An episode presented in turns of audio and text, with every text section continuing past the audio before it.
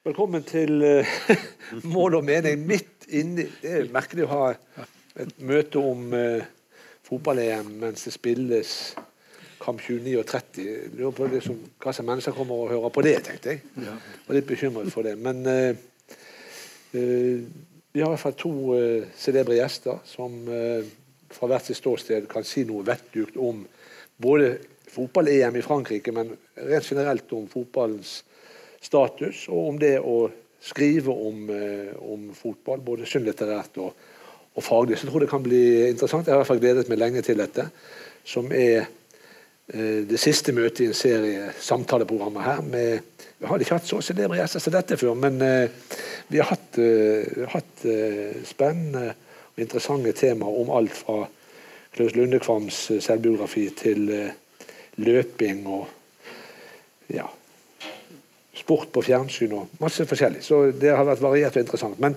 det første spørsmålet Kjartan Fløgstad, er selvfølgelig hvorfor du ikke er i Frankrike. Jeg, ble, jeg, var i Brasil for to år siden, og jeg ble nok litt overfora.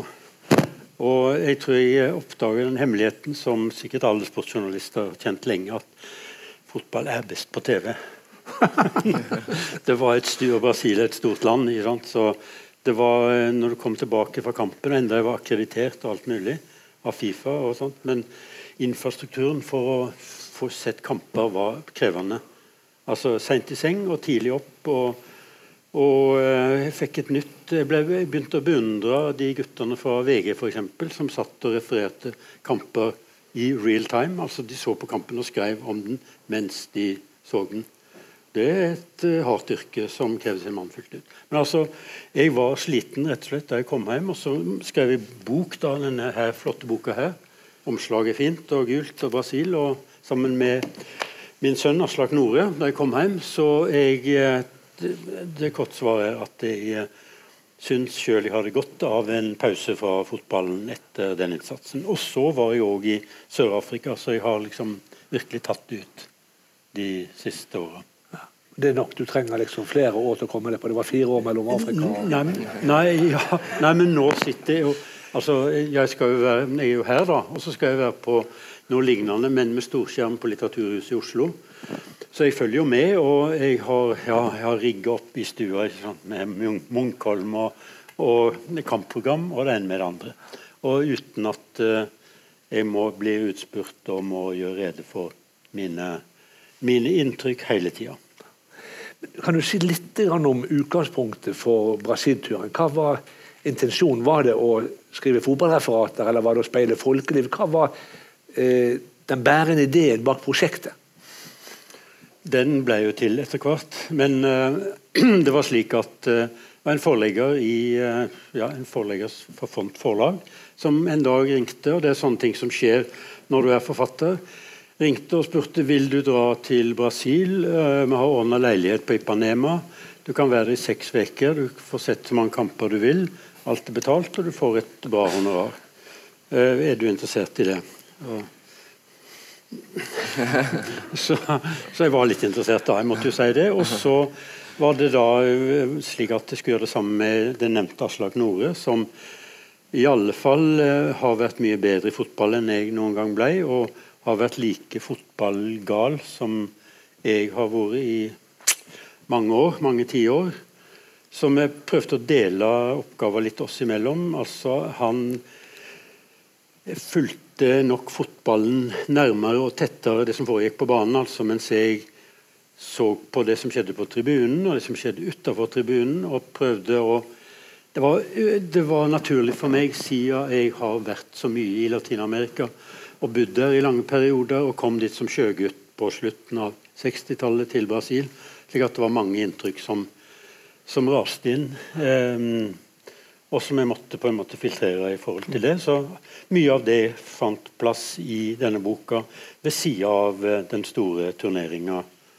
Og det er vel ingen hemmelighet at begge forfatterne Det var et uh, retorisk litterært problem. Begge forfatterne holdt eh, inderlig med eh, Argentina og håpte at eh, Messis generasjon skulle altså Messi skulle bli krona, og Messis generasjon skulle gå til topps. Slik skjedde det jo ikke, bare nesten.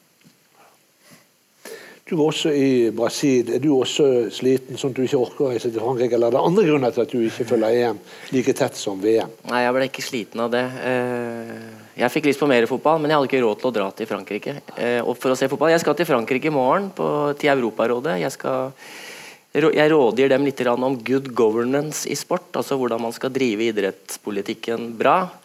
Men jeg får dessverre ikke sett noen kamper.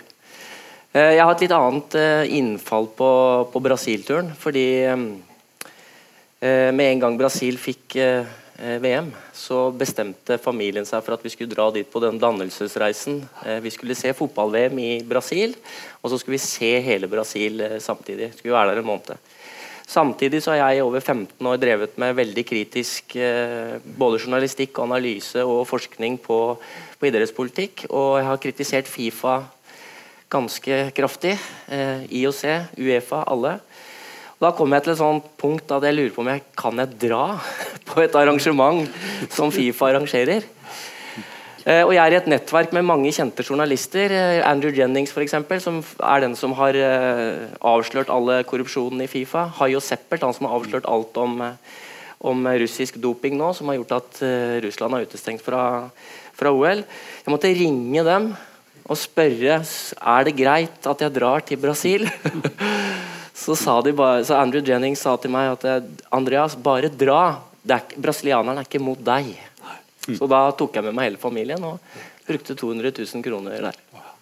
Og Hva materialiserte dine inntrykk seg i, i ettertid? Var det bare en opplevelses- og dannelsesreise, eller ga det seg utslag i eh, blogging og, og Fulgte du det opp på noen måte? Ja, jeg blogga. Jeg har en blogg som heter 'Sportens utholdelige letthet', som eh, noen leser. Ehm, jeg blogga fra den turen. Det ble litt eh, mer mine inntrykk av den turen. Eh, også dannelsesreise og dannelsesreise. Jeg tror nok vi fikk mer se det dannede fotballpublikummet når vi var der borte. Vi fikk ikke se det som er i Uefa nå, for jeg tror de hadde rydda unna nesten alt av trøbbel før vi kom. Eh, men det slo meg veldig at eh, for at amerikanere dro på tur og var veldig glad i fotball, soccer. Eh, og ikke bare i VM for menn. Alle hadde vært på mange flere VM for damer enn for herrer. Og sånne ting gjør inntrykk på en som kommer fra Europa. Eh, det var sånne ting. Samtidig så fikk vi se Amazonas og sånne ting. Og se, se det bygget i Manaus som ligger da midt inne i Amazonas. Som er et flott bygg, men helt forferdelig at det er bygd. Fordi det koster så mye penger i en av Brasils mest voldelige byer. De kunne ha brukt mye mer penger av de penga på sosiale tiltak og sånne ting. Enn så det var på mange måter et perspektiv. Samtidig så veit du at du blir lurt. Fordi at de, politiet har rydda unna all trøbbel før du kommer. Så det kan jo godt hende at eh, dannelsen hadde blitt en annen hvis det hadde blitt banka opp i Manaus, men det ble jeg ikke. Men Er du like imponert som Kjartan Fløgstad av den ordinære journalistikken, altså det VG drev med? Eller føler du at du har en oppgave fordi at de forsømmer noe av det kritiske, noe av det undersøkende, noe av det avslørende ja. i, sitt arbeid? Altså, jeg, kan, jeg, blir jo imponert av at folk gidder å sitte og skrive sånn hvert minutt. Det blir jeg imponert av, Men jeg syns det er helt meningsløst. Det er to forskjellige ting. Eh, ikke meningsløst, da. Jeg følger litt med på det sjøl for jeg holder jo med lag, og sånne ting, så da gjør jo noen jobben for meg. Men, men jeg mener at det er, kanskje det er en liten del av journalistikken som har tatt mer og mer overhånd. Samtidig så mener jeg at sportsjournalistikken og fotballjournalistikken er på vidvanke. Eh, på en måte. Samtidig så har alt den dritten som har kommet opp nå Andrew Jennings, Hayo Seppelt, Jens Weinreich, Declan Hill, alle de folka der, det er jo journalister som har fått opp, men de er ikke sportsjournalister. Det sier de. Så det er liksom der, Hva er sportsjournalistikk mer? tror jeg vi kan diskutere da. Det er bare for å skyte inn eh, det, er, altså, det jeg var imponert av, det var rent det fysiske. Mm. Å klare det. altså. Og Da må du være 19 år og, og liksom har lyst til å se fotball. Mm. Akkurat innholdet, det er en annen sak. Ja. Ja. Du, si litt om, om, det å skulle lage bok om noe, eller fra noe som er så tungt eksponert underveis. Altså Alle vet egentlig alt om alt som har skjedd der, og så skal du lage bok etterpå. Mm. Hva er utfordringen da? Eh, ja, da ser du jo og følger med i alt som blir sagt, og alt som eh, finnes alt som har, alle har sett på TV, og det mange har skrevet om i avisene. Og så er det jo slik at et land som Brasil det er langt unna. Det er ikke mange som, av de som f.eks. fra Norge, som behersker språket, som hadde noe erfaring. Så jeg hadde et lite forsprang der. Jeg er god i spansk, men ikke god i portugisisk, men klarer meg godt. Slik at jeg kunne kunne gå i, i retninger som den utsendte journalistikken ikke dekka noe særlig godt. Og så kunne lese det altså Brasil er et stort og mektig og, og avansert land på mange måter. Annet hadde de veldig god sportsjournalistikk i avisene, som jeg kunne òg bruke og referere til. Og så, når vi snakker om, altså Det er jo riktig som du sier, at politiet hadde nok rydda opp. Men det som alle, da, særlig da eh, Brasil ble slått av Tyskland Da var jeg i San Paulo, og Aslak var på stadion i Belo Horizonte. Da venta jo, jo, alle at nå blir det opptøyer, nå blir det minst revolusjon. Og, og eh, sånne som oss, som da liksom lange og tynne og ser rare ut der nede, vi ligger tynt an. Og så Etter kampen, så kom det jo, eller under kampen òg, kom det folk bort til meg i, på en storskjerm midt i San Paulo, verdens, eller liksom en av megabyene i verden, og sa 'du tysker'. Og jeg sa nei, ikke tysk. Tyskland invaderte Norge. så jeg, Det var under annen verdenskrig. Nordmann, nordmann. Du er tysker, sa han. Tyskland fortjente å vinne. Gratulerer. og, og, det var altså ingen tegn til opptøyer. Det var liksom om det var en fest som gikk feil. Eh, og så, ja, så blir det litt matt stemning, og så kanskje det håper om en ny fest eh, neste dag. Så den ideen om at eh, liksom, fotballen er på liv og død, den tror jeg ikke stemmer i Brasil. Derimot stemmer det for et par andre latinamerikanske land. Argentina og Chile hadde voldelige supportere som ja, I forhold til det som skjedde i Marseille, så var de uskyldige, men i alle fall. Jeg kan jo fortelle en liten historie fra Brasil som viser hvor eh, på Vivank jeg var. Jeg hadde to billetter til kvartfinalen mellom Tyskland og Frankrike. Og vi var fire. Og Da måtte vi ta et krigsråd i familien om skal to gå, eller skal vi selge billettene. så hadde vi hatt tre og en halv veldig fine uker, og hvis to av oss hadde gått, så hadde vi ødelagt hele ferien. Så det vi gjorde, vi gjorde det vi ikke skulle. Vi gikk på svartebørs. Eh, vi hadde hørt historier om at folk hadde blitt fengsla i to år for å selge og kjøpe billetter. og sånne ting, Men når du er der eh, du er desperat, så gjør du alt du kan. Og jeg løp rundt, Det var ikke en minibank noen sted som hadde penger. Så jeg løp rundt og tok T-bane fram og tilbake. Brukte fem-seks timer på å få ut penger.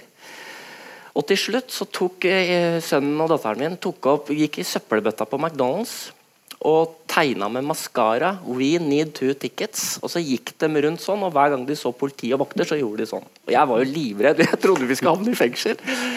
Og plutselig så kommer det to colombianere bort og sier da at 'we have two tickets'. How much? Og så tror jeg vi gikk litt surr med dollar, for de kalte brasilianske penger dollar og vanlig dollar. Vi gikk litt surr i penger, så vi ble enige om en pris, men fortsatt ikke noe penger. Så ble vi enige om at jeg skulle bli med han ene i drosje og kjøre rundt i Rio, mens han andre sto sammen med kona mi og barna mine, til vi hadde kommet tilbake med, med billetter.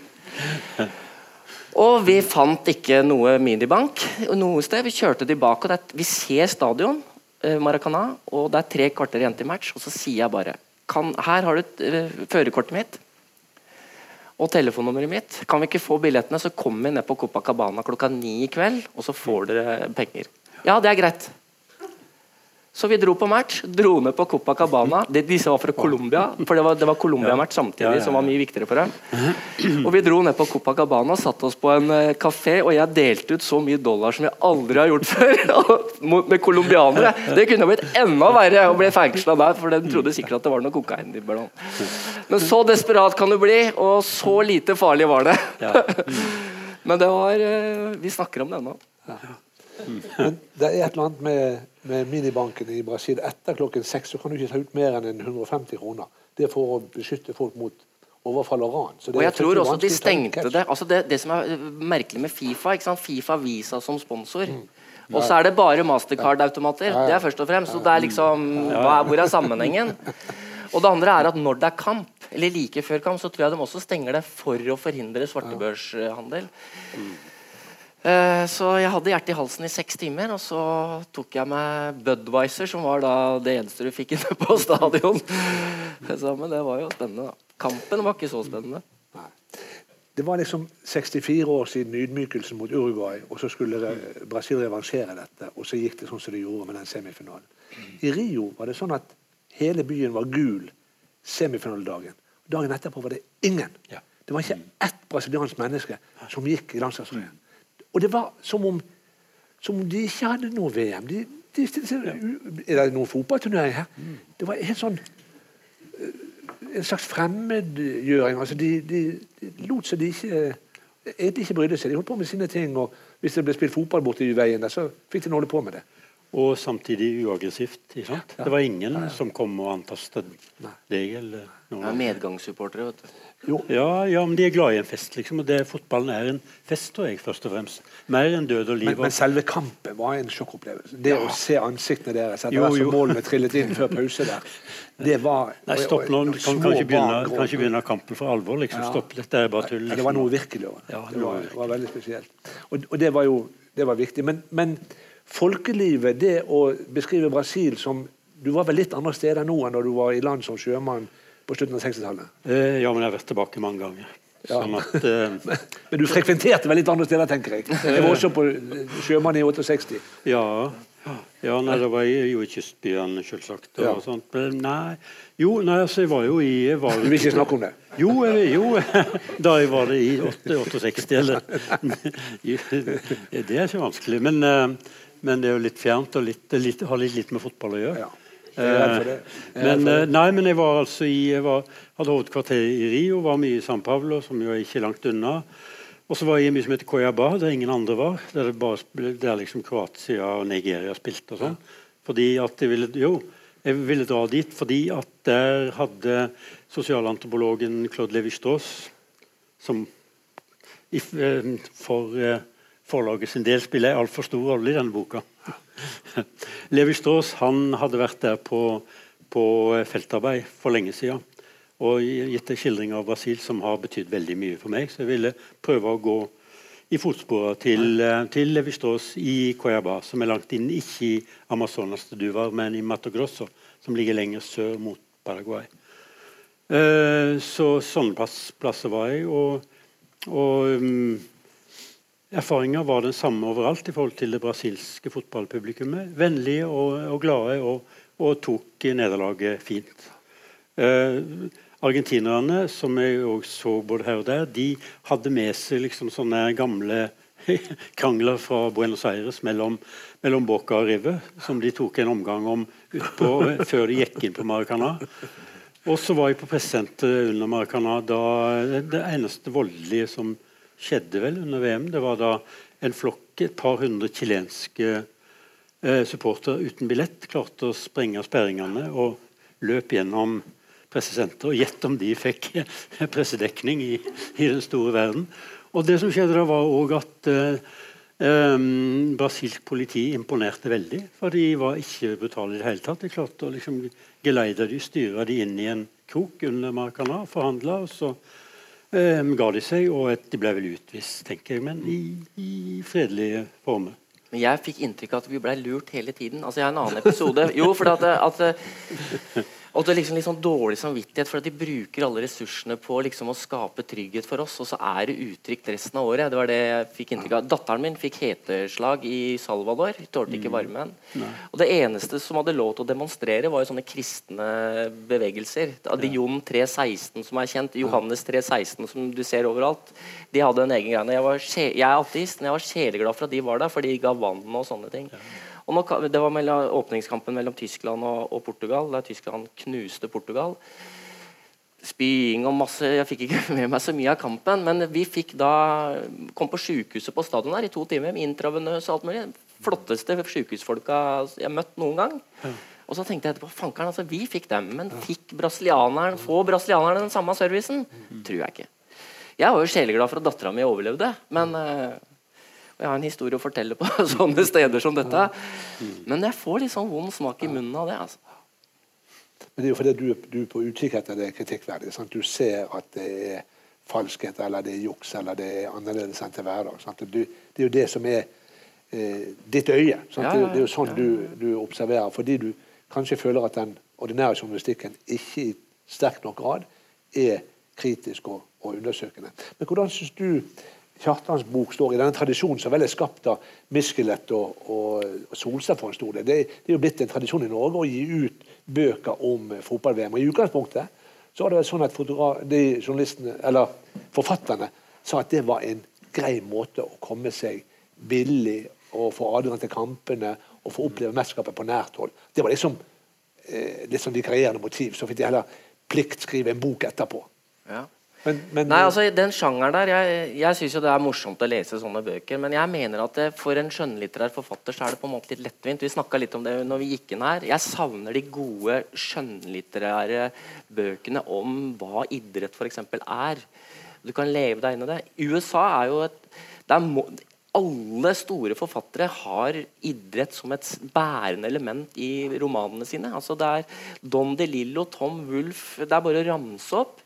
De har da baseball eller wrestling eller eh, amerikansk fotball eller eh, sånne ting. Så, så sånn sett så er det, eh, så er det så er det Det er, det er liksom hvem, hva, hvor-varianten. da. Eh, og så er det to stemmer som forteller det på sin forskjellige måte. og sånne ting. Men hvis du spør Dag Solstad liksom om kan ikke du skrive den store romanen om trav eller galopp, som er hans store lidenskap, så tør han ikke å ta i det, for det, det er for vanskelig. Og det er sånn der, eh, det syns jeg er litt rart. Eh, per Olof Enquist har skrevet kjempegod bok 'Sekundanten' om sleggekasteren som juksa. Som er jo basert på en sann historie, men du får liksom beskrevet mer inn i det. Mer følelser og sånne Han dekket også fotball-VM i Mexico. Han dukket opp der. Ja, nei, han, den, han har skrevet en fantastisk bok som heter 'Katedralen i München', som handler om OL i München i 1972. Som egentlig er sånn reiser... Nei, referat, nei han var jo journalist for Ekspressen. Og så har han samla en del av de, de snuttene eller sonettene eller hva jeg skal kalle det. I, det, er, det er en fantastisk bok. Det er alle som skal se på eller dra til OL nå i, i Rio, bør uh, bruke den boka. for at, Det som er litt morsomt med den, er at han ser på veldig sånne små ting. Altså kan dra til kanopadlerne og liksom få en god historie ut av det. Det trenger liksom ikke være fotball for at det skal være interessant, hvis du er veldig god til å skrive. Så, og Torgrim Eggen er vel den i Norge som har skrevet best om idrett. da. Ikke fotball, men om skihopping. Vekten av snøkrystaller. og- Sten. Torvald Steen. Torvald Steen. Ja, sorry. Ja. Jeg husker ikke hva jeg sa engang. Men uh, Torvald var han jeg mente. Han har skrevet to bøker faktisk om det. Mikkjel Fønhus om langrenn, eh, skiløperen og sånne ting. Det er veldig få, da. Så jeg savner liksom eh, det store. Det er litt morsomt. Dag Solstad, roman 1987. Som han er vel sportsjournalist i Glom... Eller en, en avis Gudbrandsdalen oppi der. Og så har han veldig mye om skøyter. Og det er, det er så mye faktafeil. Altså, det er bare tull. Og da når og det er skøytetider og feil, år er feil Banene gikk ikke, De gikk på Hamar stadion, ikke på Mjøsa. Det er bare tull. Og så blir da Dag Solstad konfrontert med det, så sier han at det er, dette er en roman. Så der får du liksom, Jeg veit ikke helt om, hva som skal, om, om du kan jukse med tall og, og trikse med det. det. Da får du folk på nakken, i hvert fall. Men jeg savner liksom de store skjønnlitterære bøkene som liksom får, får, får folk som kanskje ikke er så inter interessert i idrett, til å føle på hva fankeren er som det egentlig er. Og som vet at annendager skøyte-NM på Kronsmenn det gikk på Vangsvatnet på Voss. Ja, og at Ja, ja, Uh, vet Enok alle. eh, gikk i nylon eller noe sånt. ikke sant? Ikones trikot. Ja, ja. Nei, det er sånn fall- 434 4. Ja, ja, nei. Men du, eh, tror du det er enklere å være journalist og bli forfatter enn å være forfatter og bli journalist? Jeg spør egentlig om et råd. ja, ja, ja. Nei, jeg tror det er kanskje litt vanskelig å Ja, bli jeg- forfatter. jeg tror jeg skjønner det. det, jeg skjønner Men jeg, jeg tenkte på det med Nei, men du, det vil jeg der, Hvis du går til USA, så er det jo Norman Mailer, eh, alle de store Hemingway Til og med Irving har vel en brytetrener. Ja, Hemingway og alle de, de Hvis du leser New Yorker, hvis det er noen som gidder å lese det, så har de fantastiske report, journalistiske reportasjer om boksing og masse rare ting. Uh, Bukowski eh, var sikkert journalist i starten, han også. De, de Det er stort, og de greier å skrive kanskje på en annen måte da, eh, når de også går inn i skjønnlitteraturen. Jeg aner ikke, for de liksom greier å kombinere det faktagreiene. Enkvist. Men, men um, nei, det, det, du snakker om at du savner den store idrettsromanen på norsk Jeg tror det er um, viktig å huske at det er bare en generasjon siden det, var, det begynte å bli mulig, og lov og tillatt å skrive om idrett i skjønnlitterær form, og, eller at uh, skjønnlitterære forfattere var opptatt uh, av det. Så det, det er nokså ny, uh, en, en, ny mulighet og et nytt felt for skjønnlitteraturen. I nordisk litteratur finnes det en glimrende fotballroman synes jeg, som heter 'Fotballengelen' av Hans Jørgen Nilsen fra slutten av 80-tallet. Henny Jensen skårer på Wembley. Berømt omslag. Eh, og så er det forskjell fra land. når du sier USA har en sterk tradisjon. Det, det er helt riktig. Jeg er ikke sånn USA-ekspert. Men Argentina, eh, Brasil har mye om idrett. altså Både journalistikk mm. og, og skjønnlitteratur. Mange forfattere er, er fotballgærne, sånn som visse andre i andre land. Og så eh, er det en del land, en del kulturer der det stadig ikke er mulig å skrive tror jeg, om, om fotball hvis du skal bli regna som seriøs forfatter. Og et, en historie om det. Jeg, var, altså jeg kom fra Brasil for to år siden. så hadde jeg, jeg hadde planlagt det godt, så jeg hadde planlagt to uker i Spania for å skrive ut manus. Jeg bodde på hotell i Madrid og, og, skrev i vei. Og så, hadde, jo, så var det en festival i Sør-Spania, Cartagena i Sør-Spania, der jeg var invitert. Så jeg skulle ned dit og tale. Og, og var ned der, og det var et par innslag. Så hadde jeg en samtale med en spansk kollega. og og Vi satt og pratet om liv og døden og litteraturen og alt som er seriøst. Og det var et ganske stort publikum en sånn varm sommerdag i Andalusia. Og så kom jeg da, når vi holdt på å gå inn for landing, kom jeg til å si at jo, jeg kommer, jeg kom akkurat uh, fra VM i fotball i Brasil. Og jeg syns det var helt fantastisk. Og jeg synes at, jeg tror jeg la til at jeg syns lagspillet i fotball er noe som, som uh, eh, viser den dag i dag noe som alltid har opptatt meg, nemlig laget og solidariteten i industriarbeiderklassen. Fotballen som uttrykk for, for eh, den industri, industrielle produksjonsmåten. Det var som om det ble dratt ned en jerngardin mellom meg og publikum. Fordi Jøss, er det en sånn forfatter som har kommet hit? liksom? Altså, vi trodde dette var en seriøs forfatter som, som eh, eh, som drev med litteratur, og ikke sånn altså telenovelas, tegneserier og slikt som de straks så for seg for sitt indre øye. Så spurte jeg da den spanske kollegaen min etterpå, og han sa ja, ja, ja, nei, det, det snakker du ikke om her, altså. Så der er forholdet helt annet. Men, men føler ikke du også at det, det er en viss snobisme i, i, blant skjønnlitterære forfattere? At det er noe litt sånn mindre Det å skrive en VM-bok i fotball, det er liksom blir sett på som noe litt mindreverdig, nesten som å skrive krim? Ja, men nå er jo krim det alle liksom gjør. Men nei, nei altså inn, det, er, det, er, blitt slik at jeg tror av mine kolleger, de jeg kjenner, så er det bare et lite mindretall som ikke er interessert i fotball eller sport. Og som ikke så, så, som innrømmer at de er det? ja, som innrømmer at de er det. Og som hvis de blir invitert for til Bergen for å snakke om fotball eller sleggekast, eller, så drar de av gårde med en gang om de nå kommer herfra. Det, det er alltid spurt med det som Jobber du bare med sport? Altså Etter jeg tok uh, latin og historie, ja, liksom, jobber du bare med liksom, som, som, journalistisk gren eller fagavdeling, så er sporten mm. under utenriks, eller? Det har jeg uh, Så, så, jeg, så det, det, er lavstatus? Jeg, har, jeg, jeg jobba på Norsk utenrikspolitisk institutt i mange år. Jeg var forsker der i åtte år. og Da starta jeg et prosjekt som het Sport og forsoning. Og Etter hvert så fikk masse penger av UD. Og sånne ting. Og da uh, kom Jan Egeland. Han ble sjef, direktør på NUPI. Så fikk han høre om prosjektet, og så sa han at det er kanskje han var ikke interessert egentlig i det hele tatt. Han sa at det er for mye sport i dette prosjektet her. Han visste jo fankeren ikke hva vi prata om. ikke sant? Og så, etter et år, så, så ble hele prosjektet flytta på idrettshøyskolen. Nå kan du ta master i det jeg etablerte der. Og, men da jeg kom opp der, så var rektoren han, han syntes det var for mye politikk. Så det har noe med det derre du, liksom, du, du, liksom lager sånne kategorier og båser. Og hva er idrettspolitikk, liksom? Er det sport, eller er det politikk? Det er liksom Men det var ganske morsomt. Jeg hadde, to helt forskjellige innfallsvinkler på det.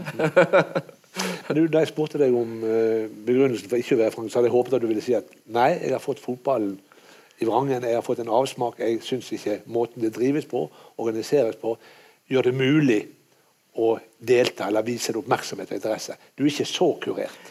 Nei, eh, men altså gleden av idrett er litt eh, mindre nå. Altså Nå er jo mange som spiller på Løkka og sånne ting, og jeg syns det er holdt på å si mer interessant. Samtidig så følger jeg med på alt som skjer utafor. Men, men hadde jeg dratt dit, så hadde jeg sett på andre ting enn bare fotballen.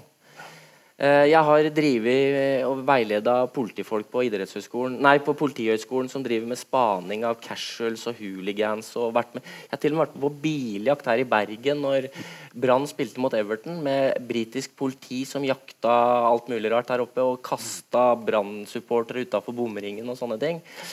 Så jeg kan nok tenke meg at eh, hadde jeg vært der nå, og så hadde jeg vurdert sånne ting. Og jeg ser jo på stadion hva alt det de gjør gærent når russerne greier å måke over engelskmennene. Så er det jo ikke bare fordi at russerne er voldelige, det er jo et ekstremt dårlig sikkerhetsarbeid som blir gjort. Det er litt morsomt, du vet, de gjerdene som de, Når det er demonstrasjoner og maraton og sånne ting, så er det sånne jerngjerder. Det, det heter franske gjerder.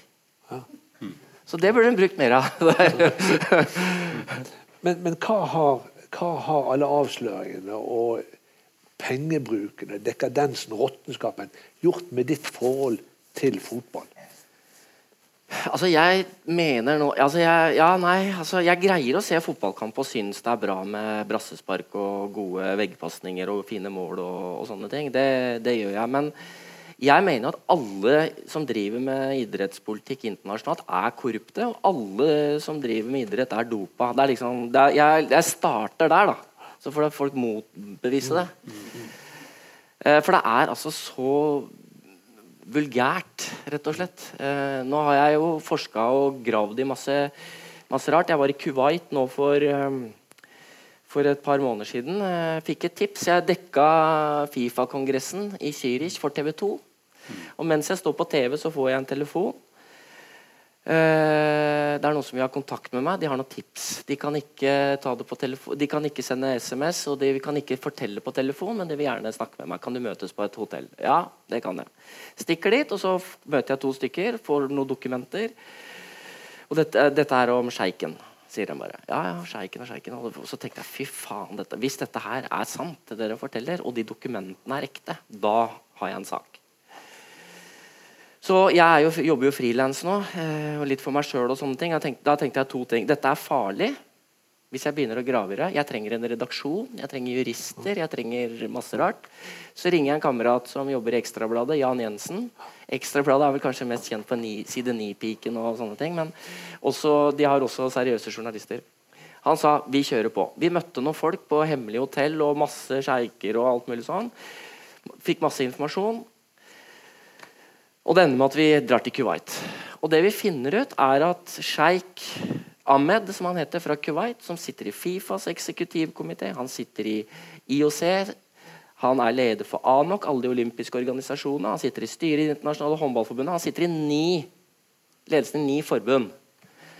Han har, pga. en konflikt som starta med at han produserte falske anklager om kupp og drapsforsøk på emiren i Kuwait så måtte han, og ble avslørt, så måtte han stå fram på TV og si unnskyld til det kuwaitiske folk.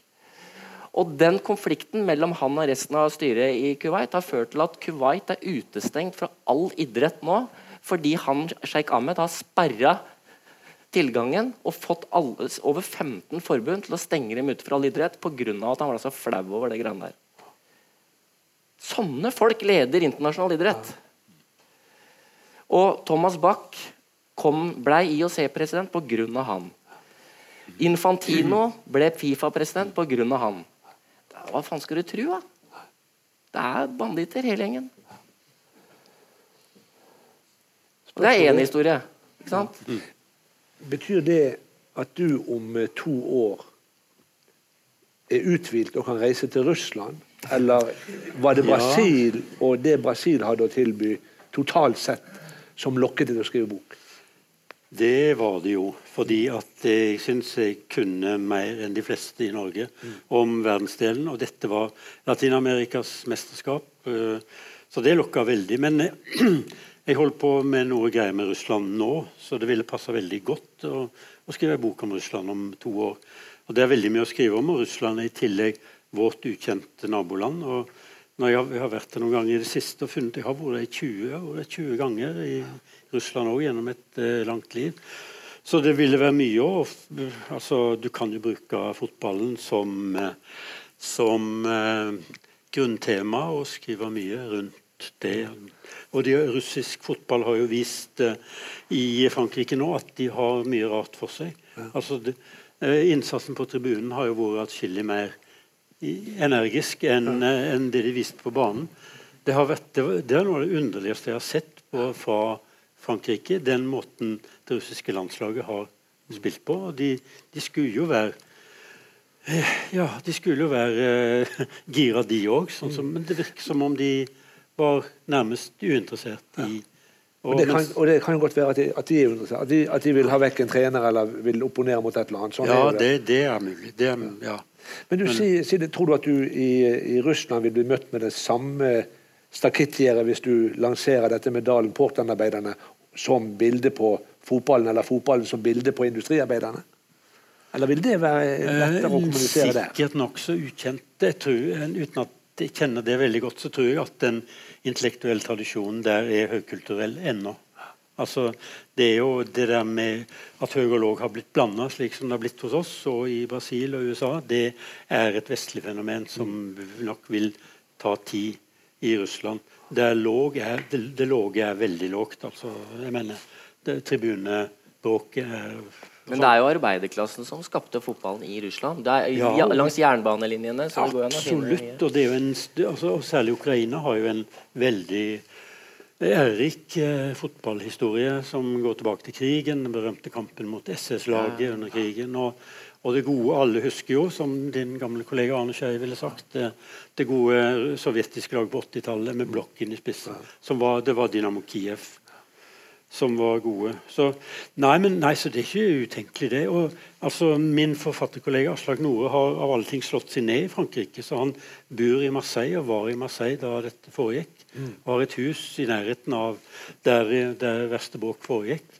Og da lærer en jo det at selv om det blir store saker på TV og i nyhetene, så er det allikevel en altså, Livet går sin gang rundt bråket uten at så mange legger merke til det. Og En god referanse på det er jo EM i 96, det største terrorangrepet noen gang på et fotballarrangement. Manchester ble sprengt i filler dagen før uh, Russland skulle spille mot uh, Tyskland. IRA smelta en bombe på 7000 kilo, Og den kampen ble spilt dagen etterpå som om ingenting hadde hendt. Så det er ikke bare noen slåsskamper som uh, skal til. Nei, og Det var jo frykt nå med, med Frankrike og som terrormål og som ja. aksjonsarena. Men, men, hvilket VM tror du Kjartan Faustad får å skrive om om to år? Hvordan ser du for deg utviklingen med Fifa, Infantino, det som uh, skjer i regi av De høye herrer? For det er jo det som er, det er jo VM som er jokeren deres. Det er jo det at alle vil delta i VM, og alle vil betale for TV-rettighetene derfra, som gjør at Fifa har hatt denne honningkrukken og har kunnet bestikke mer enn halvparten av medlemslandene og få stemmene til Blatter. Ja, ja. Nei, altså jeg er litt usikker på Ungene mine har ikke lyst til å dra til Russland. Det sier litt om hvordan stemninga er, eh, så kanskje jeg må dra aleine. Men, eh, eh men altså, Hva slags VM blir det? det blir et, jeg tror det blir et veldig spesielt VM. Både fordi du har du, Alle som drar dit, er forutinntatte på en eller annen måte. For det andre så tror jeg det kommer til å være et vanvittig sikkerhetsopplegg. Ja. Eh, og Det tredje er at det er ikke sikkert at alle som vil inn, får komme inn. fordi eh, Det skjedde i Sotsji at de greide å stenge unna folk som eh, For Det som ofte skjer ved store arrangementer, det er jo at menneskerettighetsorganisasjoner og andre organisasjoner ønsker, å slå mynt på det. De ønsker oppmerksomhet. OL i Beijing var et veldig godt eksempel. Der de hadde med seg kinesiske sikkerhetsvakter på fakkelstafetten gjennom London. Det var liksom helt absurd. Uh, at at uh, det, kommer å, det, kommer til å, bli et merkelig arrangement. Men og du var inne på Arne Skeie, fotballen må jo gå sin gang. liksom. Altså, det kommer til å bli kamper. Jo, jo, men, men, hvis du tenker på Ukraina og Polen, det forrige EM-et, fire år siden, der var jo omtrent ikke tilreisende supportere. Det var 20 000 svensker i Kiev, men det var jo ingen andre landssupportere. Folk ble jo hjemme. Ja. Av frykt for rasistiske overtramp? Ja, det var rasisme, og det var mange som trodde at anleggene ikke var ferdigbygd. Eh, men det som, hvis vi går tilbake til 2012 Vi så russere nå som banka opp engelskmenn. De var flidd inn. Shrygin, Sprygin, som var lederen for supporterunionen, kom sammen med Vitali Mutko, som er sportsminister, leder for Fotballforbundet og styret i Fifa. kommer inn. Eh, og de lager masse bråk. De samme folka lagde faenskap i Warszawa for fire år siden. De, de, da spilte Russland mot Polen på Russlands nasjonaldag. Og det gikk 5000 gærninger gjennom byen og lagde kvalm i Warszawa. Inne på stadion var det mange av dem som eh, kom med rasistiske utbrudd. Og sånne ting, og så var det én kar som løp med flagg eh, over banen, og derfor fikk Russland bot. Egentlig skulle Russland vært fratatt seks poeng i kvaliken. Eh, de skulle spilt hjemmekampene for tomme tribuner, og de fikk 150 000 euro i bot. Bota var det eneste som satt igjen, for Uefa backa henne for presset. Hadde de vært stålharde, så hadde ikke de russerne slåss i Frankrike, for de hadde ikke fått komme dit. Men fotballen altså det er liksom, det er Russ, Russland er veldig sterke nå. Men du ser også på reaksjonene som kommer nå. Det er liksom todelt. Det er ett innenrikspolitisk. Politikere i Russland de må si at det var engelskmennene som provoserte russerne. Samtidig så må de si vet du hva, når de kommer hjem, så skal vi se hva vi kan gjøre med dem. For det, Hvis de har gjort noe gærent, og vi får den informasjonen, så kommer vi sikkert til å gi dem en straff. Og Det er fordi de er livredde for at det skal bli satt sanksjoner på det VM-et de skal ha. Så det er, eh, det er, Fotball er bare politikk. Det er sånn jeg ser på det. Men er kjærligheten din til spillet så sterk at du kan se eh, forbi eller over eller under alt dette andre og forsvare og reise til Russland og skrive en ny VM-bok? Ja, det, det, å reise til Russland vil jo ikke være å godta alt som foregår i Russland. Nei. Det vet jo du som eh, Altså Og eh, det vil jo eh, være mange muligheter til å skrive kritisk, og det har en jo nå. Og, men altså mm, en, et sånt stor, en, et stort arrangement vil jo et godt påskudd til nettopp å, å se på det russiske samfunnet, som vi da kjenner gjennom eh, mange reiser gjennom mange år. Og så jeg må, tilstå, jeg må vedgå det her åpent her og nå at det, jeg klarer faktisk, når jeg, når jeg, ser på det som foregår på banen, så da, da forsvinner Sepp Blatter og Platini og, og hva det nå het igjen ut i det blå. liksom. Jeg ser på det som foregår. Og så klammer, når jeg ser, Særlig når jeg ser landskampfotball, så klamrer jeg meg til det at ennå så er det umulig å kjøpe seg til gode landslag. Mm. Altså, Jeg, jeg synes jo det, altså, jeg klarte å beundre Tikki Taka og Barcelona. Men når de når etter VM kjøper slik at de stiller med løperike med Messi, Suárez og, og, Neymar, altså kjøper de beste i verden, så blir liksom det, det, feigt som jeg da jeg var liten.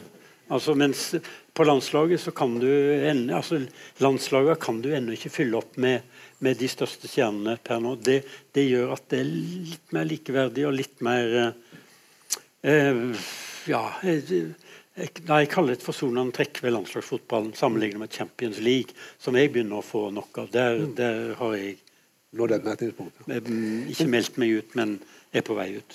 Men eh, Kjartan Fløgstad og andre som skriver om det, la de seg bruke? Er de med på å propagandere for noe som er pill råttent? Er de nyttige idioter i et, uh, i et uh, propagandaspill for storkapitalen og for uh, styrt Eller griske ledere? Nei, altså Da er jo jeg da som har fått billetter gjennom Fifa. Men det har vel mer hvordan du rapporterer Og videre solgt de? Eh, nei, jeg har jo kjøpt dem, da. Nei, det gjorde jeg ikke. Det billettsystemet i, bare helt ko-ko, hele greiene. Det var jo så mye rart. Men det er en annen sak, det som var i Brasil. Uh, men det lar seg bruke. Det er, liksom, det er derfor jeg ringte disse journalistene. Bør jeg dra? Støtter jeg Fifa og sånne ting? Samtidig så trenger du øyenvitner. Det var jo en av de tingene f.eks. i OL i Moskva, når, du, når det var boikott der. Veldig mange land som eh, holdt seg unna. To ting skjer. Når det er et totalitært styre, så kan jo propagandaapparatet si hva de vil. Ja, og de får mye mer gull. ikke sant? Sovjet fikk jo mye mer gull. Uh, og sånne ting. sånn at uh, Det er liksom den balansegangen der òg. At noen må jo rapportere, noen må jo liksom se dem i korta. Uh, men hvis du skriver i den boka der at 'jeg møtte Blatter, og han var en flott type', da mener jeg at du er en dust. men, men, men, men, hvor lett er det å, å avdekke hvor, hvor, hvor, stor er forsømmelsen i den ordinære sportsjournalistikken når du blogger, og du blir oppsøkt, og du får papirer, og du møter på hemmelig hotell? Er det noe som de ordinære eh, sportsjournalistene burde fanget opp? Eller er, så, eller er vi så duskedamaktige at vi bare syns det er gøy å være på, på VM og blokkerer for inntrykk som er så sterke at vi burde registrert det, burde formidlet det og burde tatt et oppgjør med det gjennomkorrupte? Altså, altså Sportsjournalistikken har vært på mange måter feig, da, hvis, på, hvis, du, hvis, vi snakker om korrupsjon og doping også, for den saks skyld. Altså, de fleste journalistene som har avslørt ting nå og Det er journalister som har avslørt ting. Den ene Wala-rapporten til Dick Pan han sa at alt journalisten har fortalt meg, er sant. Men han er ikke noen sportsjournalist. Du har noen, det er Paul Walsh og de Kimmich og de gutta som avslørte Lance Armstrong. De fulgte bare sykkel. Og det gjorde de hele tiden, og de var uredde. Det som skjedde med dem var at De fikk jo ikke sitte på i bil med kollegaer. De ble fryst ut, for at hvis andre journalister ble sett sammen med dem, så mista de tilgangen til Lance Armstrong. Det er liksom hele greia. Og jeg mener at diskusjon og Sportsjournalistikken har sikkert vært i mange år, jeg er jo ikke så gammel. Men eh, sant, når Juve var i OL i Berlin og re re refererte hjem derfra, så var det en diskusjon om hvem som skulle dra og ikke dra. og sånne ting, Så det er jo noen unntak. Men vi må diskutere hva er sportsjournalistikk. Hva er det vi skal dekke? Hvem skal dekke hva? Og så blir det så komplekst. altså Det er jo milliardindustri. Ikke tenk å dra til Fifa. Det er bare å se på TV 2 og Norges Fotballforbund eller Premier League og, og sånne ting. Du trenger andre journalister, økonomijournalister. Du trenger folk som kan mer om det nye media og sånne ting. Og det holder ikke med at du har fulgt med på hopp i 20 år. Ikke sant? Og sånn at, eh, men jeg mener at eh, Så vi må ta en diskusjon om hva er det, hvem skal gjøre hva, egentlig. Det, selvfølgelig må folk sitte og skrive resultater og sånne ting. En, ellers så hadde det jo ikke vært idrett. Så det, det, no, det, er liksom, men det er en rollefordeling. Jeg vet i VG nå, som har avslørt veldig mye om Norges idrettsforbund eh, Dagbladet har en flott sak i dag om eh, VG er egentlig litt eh, unikt, fordi der har de kjørt sportsjournalistene på disse tinga. Det er veldig upopulært i redaksjonen. Det er veldig mange sportsjournalistikker som håper at de ikke må ringe til Inge Andersen. Fordi at da bryter de veldig mange bånd. Eller toppidrettssjefen. Men de har prioritert det. Og de har fått fram veldig mye. Eh, Dagbladet velger en litt annen løsning. Der er det krimjournalistikken og nyhetsjournalistene. Krokfjord og han eh, Torenfelt i dag om den mongolske skøytetreneren som har innført uh, ulovlige unger til Norge. Det er jo krimjournalister. Det var de som avslørte falske billetter i forbindelse med OL i London og OL i Sør-Afrika. Og Da er det sånne kamikazefolk som bare De er journalister. Det er ikke sport, det er ikke politikk, det er ikke økonomi. De er journalister som ser en god sak, går inn, roter opp, og så blir folk avslørt. Og Det er så mye penger i idretten nå at folk blir korrupte hvis ikke noen ser dem i korta. Journalistene har én oppgave. Du skal altså skrive bok fra Russland, men eh, har du da hvilt deg nok til å reise til Qatar fire år etterpå? Nei, nei, nei, da. Jeg, skal fortelle, jeg, skal ikke fortelle, hvor gammel vi blir om hvor mange Seks år? Nei, nei, nei, nei. Det er mange grunner som gjør at det ikke er aktuelt. Ja, det vil gjerne høre de grunnene. Uh, ja, nei, altså, nei, altså uh, Hvis vi snakker om korrupsjon, så snakker vi liksom begynner øverst da i Qatar. Og, og er det noen vits i altså, altså Nei, det, det er uh, det er helt utelukka. Skal du ta med deg døtrene dine til uh, På badeferie i Qatar? Og håpe at de får Nei, for jeg håper at jeg slipper å ta den beslutningen, egentlig. Kanskje de må betale for meg. Nei, men altså, Qatar er vanskelig. Det som er med Qatar nå, er at det er så vanskelig Altså, Qatar-VM er sikkerhets, bare sikkerhetspolitikk. Qatar har oljefond, sånn som Norge. Og det bruker de bare på sport, for det, er myk sikkerhet. De mener at hvis du arrangerer veldig mye sportsarrangementer, så er det ingen som vil gå til krig. Og da når de har kommet så langt som de har nå, hvis du tar fra dem det Ukraina og Polen tenkte kanskje det samme. Ukraina er i krig i dag. Eh, så hvis du tar fra dem det, så skaper du faktisk en sikkerhetspolitisk situasjon som er liksom, det er noe annet enn menneskerettigheter. Er, noe annet, og det, liksom så, det er veldig vanskelig å forholde seg til. Jo, men du, eh, du, har fulgt og avslørt og vært med på som du nevnte i Ekstrabladet, avsløringer. Er det mulig ikke å reversere disse tildelingsprosessene? Er det mulig å arrangere et fotball-VM i Russland, for ikke snakke om i Qatar, etter, når du ser på hvem som har tildelt dem på hvilken måte?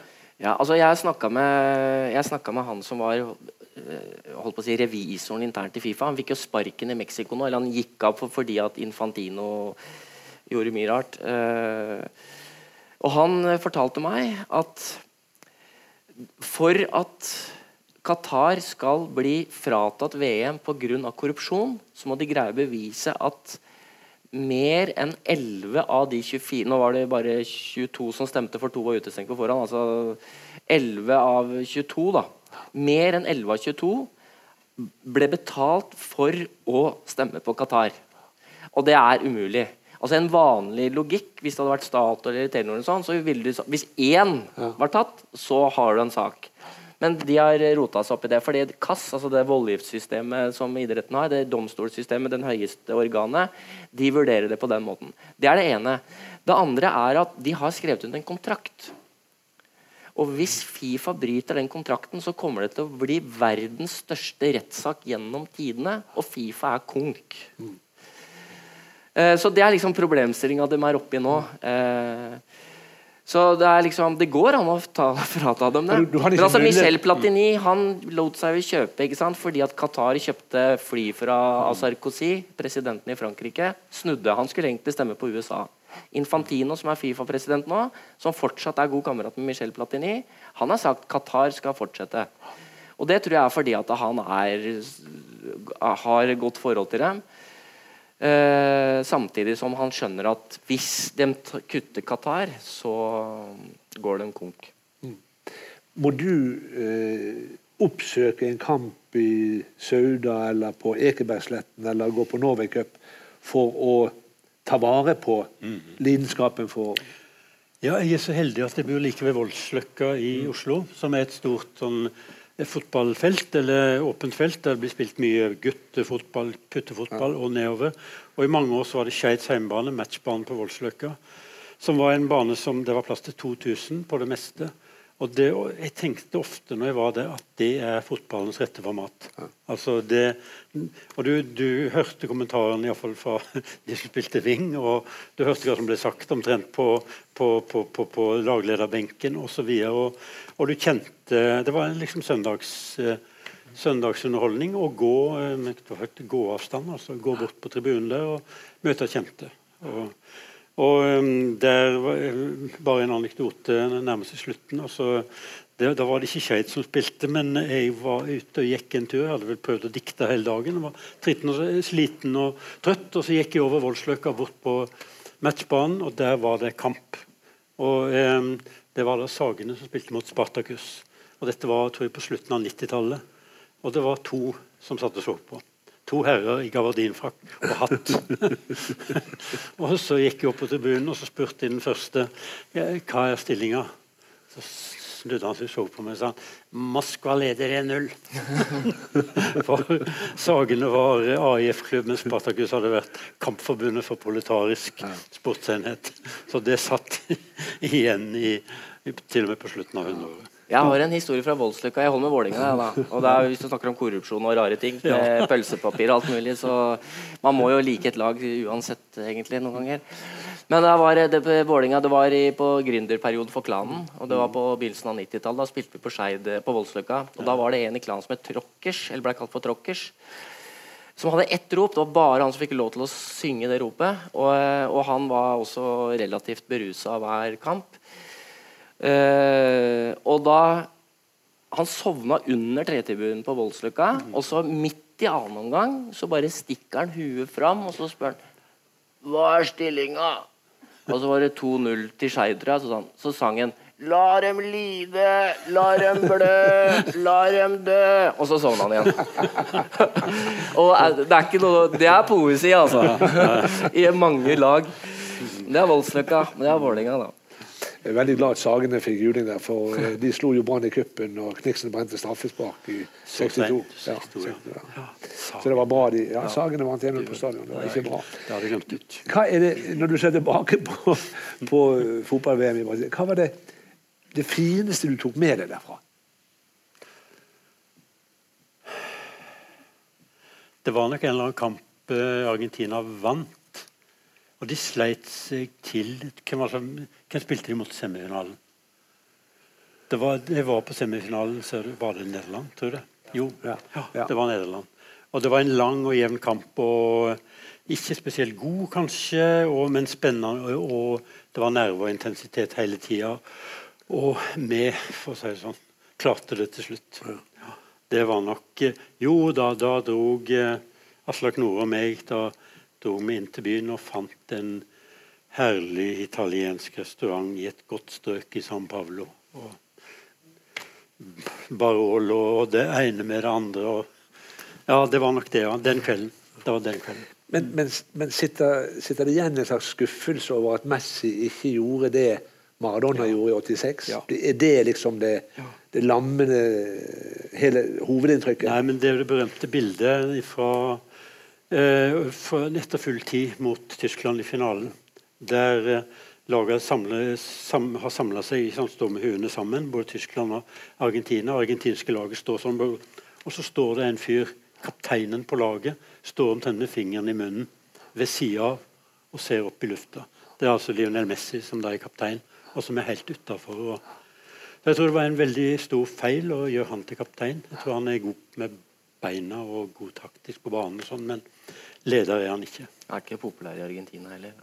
Mm. Han er ikke noe populær i Argentina? Nei, nei, nei, ja, nei, han, nei ikke som Maradona i det hele tatt. Nei da. Men eh, jeg har jo sett eh, oppe sånne vegger, sånne graffiti, eh, der det står 'Gracias Dios por Messi'. Takk Gud for Messi. Så han har, sine tilhengere. Ditt uh, beste minne, bortsett fra at uh, din datter kom helskinnet for åpningskampen? Det er todelt. Det som er litt av greia, som jeg tror er, det er at hvor glad jeg ble i Tyskland. Altså hvis, For 20 år siden så hata alle Tyskland, og alle elska Nederland. Nå er det motsatt. Og når du leser hva Tyskland gjorde i den lille landsbyen som de bygde opp som spillerleir De ga bort alt de bygde til barnehjem og kjøpte brann i brannbil og var ute sammen med lokalbefolkningen og sånne ting, som er liksom helt utysk. Og så vant dem. Og det tror jeg var litt fordi de hadde en god følelse i laget hele turneringa. Det var ikke noe uvennskap og sånne ting. Det, det, andre var at Amazonas var helt fantastisk. Og jeg spilte fotballkamp sammen med amerikanere og andre inne i jungelen. Midt inne i gokk mellom eh, kaimaner og pirajaer og farlige dyr, altså. Og så var jeg best på banen. Det, det er en objektiv Ja, helt, helt objektivt. Det syns jeg var morsomt. Helt til slutt. Eh, nå har vi spilt 30 eh, kamper. De 30. kampen er fullført mens vi har sittet her. Av 51. Altså vi er to tredjedeler ute i Og vi er blitt kvitt tre lag. Kanskje fire da i løpet av, av kvelden. Så vi har brukt masse kamper på å bli kvitt veldig lite. Forventningene dine til dette EM-et, hva, hva, er det som kan løfte det opp og, og gjøre det til et mesterskap som går over i historien. Sånn at det burde vært en Flaugstad der og foreviget den også skjønnlitterært. Altså, det, jeg tror dette er det, Neste gang det er EM, så er det jo i 13 forskjellige land. Mm. Uh, så det blir jo litt spesielt å dekke hvis man skal dekke EM. Da vi skal reise rundt, da må jo være sånn her uh, Ja, globertrotter på en annen måte. Men jeg, altså, det er så mye politikk i det EM-et her. Og blant annet dette med de britiske laga. Altså Wales, hvis de vinner EM så er jo det helt rått. Og jeg tror søren meg de kan gjøre det fordi av det systemet de har nå. For det er så veldig mange lag som går videre. Og hvis, sånn som England og Frankrike møtes i kvartfinalen hvis begge gjør det som de skal. Men Wales kan jo møte Slovakia i kvarten eller semien, og da er de plutselig i finalen. Og når du ser Wales Alle står og griner hver gang de får ballen. Og ikke fordi at de ikke kan noe om fotball, men det er det motsatte. Det nasjonalfølelsen er så sterk. Det er det helt motsatt av det du så med Russland. Eh, og, da, og, da, tror jeg at hvis den episke finalen hadde jo vært Wales-England og Wales vant. eller noe sånt. Det tror jeg ikke kommer til å skje. Men, eh, men eh, noe sånt. Nå tror jeg Nord-Irland ryker i dag. Men eh, hvis Wales går langt, så tror jeg du får en, en annen politisk dimensjon her enn Russland krangler med England. Altså. Du bare opptatt av Argentina, så er det vel ikke så viktig for deg? Kanskje? Nei, jeg skulle heller vært på Copa America. De herjer jo nå ja, veldig. Ja. Slår i Venezuela 7-0 og Panama 4-1 eller noe sånt. Så det jo Eh, nei, men Da jeg var i Brasil så trodde og så Spania, så trodde jeg var slutt på Tiki Taka. At nå var det, nå var det gjennomskua, og det var bare tull. liksom. Det så så dumt ut. Det virker helt idiotisk når, når de ikke får det til, men nå får de det til. De har fått, eh, jeg tror de har fått to gode spisser, rett og slett. Så, eh, altså I gamle dager var det sånn at de måtte spille i 119 minutter, så var alle så svimle at da kunne han, eh, han bankfunksjonær Iniesta dytte inn et mål, liksom. Bare fordi andre var for trøtte. Men nå skårer de liksom i normal, etter normaltid. Så, så, men eh, eh, det er vel det kanskje liksom det, standardtipset. Så er veldig fascinert av det, den andre muligheten. England-Wales. Målpreget fotballkamper. Ikke det som er visdomsordet? Mål preger fotballkamper. Det er sant. Og 2-0 er en farlig ledelse. Veldig farlig. Tusen takk for at dere kom, begge to. Det har vært berikende å høre på minnet fra Brasil og tankene rundt moderne fotball på høyeste nivå. Takk til, takk til dere også. Ett spørsmål. Det er jo ingen som vil ha VM i Qatar. Det tror jeg er gjengs oppfatning. Hvis Tyskland, England, Frankrike, Italia, Spania, Mexico, Argentina og Brasil lot være å melde seg på? Og lage parallellturnering i Europa på samme tid? Men, men, det, er vel, det er vel det som er hovedinnvendingen. At ikke de har mannet seg opp. De demokratiske vestlige landene de har ikke mannet seg opp til å ta et oppgjør med blatter og korrupsjonskulturen tidligere. ikke det det? Ja. Og det, hvorfor skal de gjøre altså, det nå? ja, det er jeg enig i. Altså, det er det som må skje. Eh, men hvis de melder seg ut der, så er de også automatisk ute av Fifa. Da får de ikke delta neste gang heller, så de kan bli utestengt. Det er en sånn greie. Men det, jeg tenker på meg sjøl. Uans, altså, du snakker helt om omdømmet til idretten og omdømmet til fotballen. Det, omdømmet er fantastisk, det. det altså, NBC har jo aldri betalt så mye for OL noen gang som nå. Discovery jeg vet ikke, de betalte kanskje ikke så mye for OL. Fotball-VM det blir solgt for enorme summer. Og grunnen folk vil se på det. Så det er liksom, Vi er sure på Blatter fordi han betalte penger under bordet. Michel Platini som er en vinglepetter og alle de greiene der. Og så blir vi sinna og sure, og så plutselig så kommer mesterskapet. Så ser vi på. Så det er liksom eh, Alle er mot eh, VM i Qatar, men når eh, med en gang kvalifiseringa begynner, så heier alle på Norge og håper at vi kommer dit. liksom. Altså, det er litt sånn vanskelig. Og det er veldig vanskelig å få med seg alle de landa på Europa er et splitta, splitta kontinent. Er, du får ikke Russland og Serbia med på det England sier. Ja, men men da blir det, kan du lage et sånt mini-europamesterskap isteden. og sånne. Det er noen som har foreslått det. Jeg tviler på at det skjer, men det kan jo godt hende at det blir noen alternative turneringer. Uh, Men uh, jeg har ikke jeg, Vi kan håpe på det, men jeg tror ikke det skjer. Hjertelig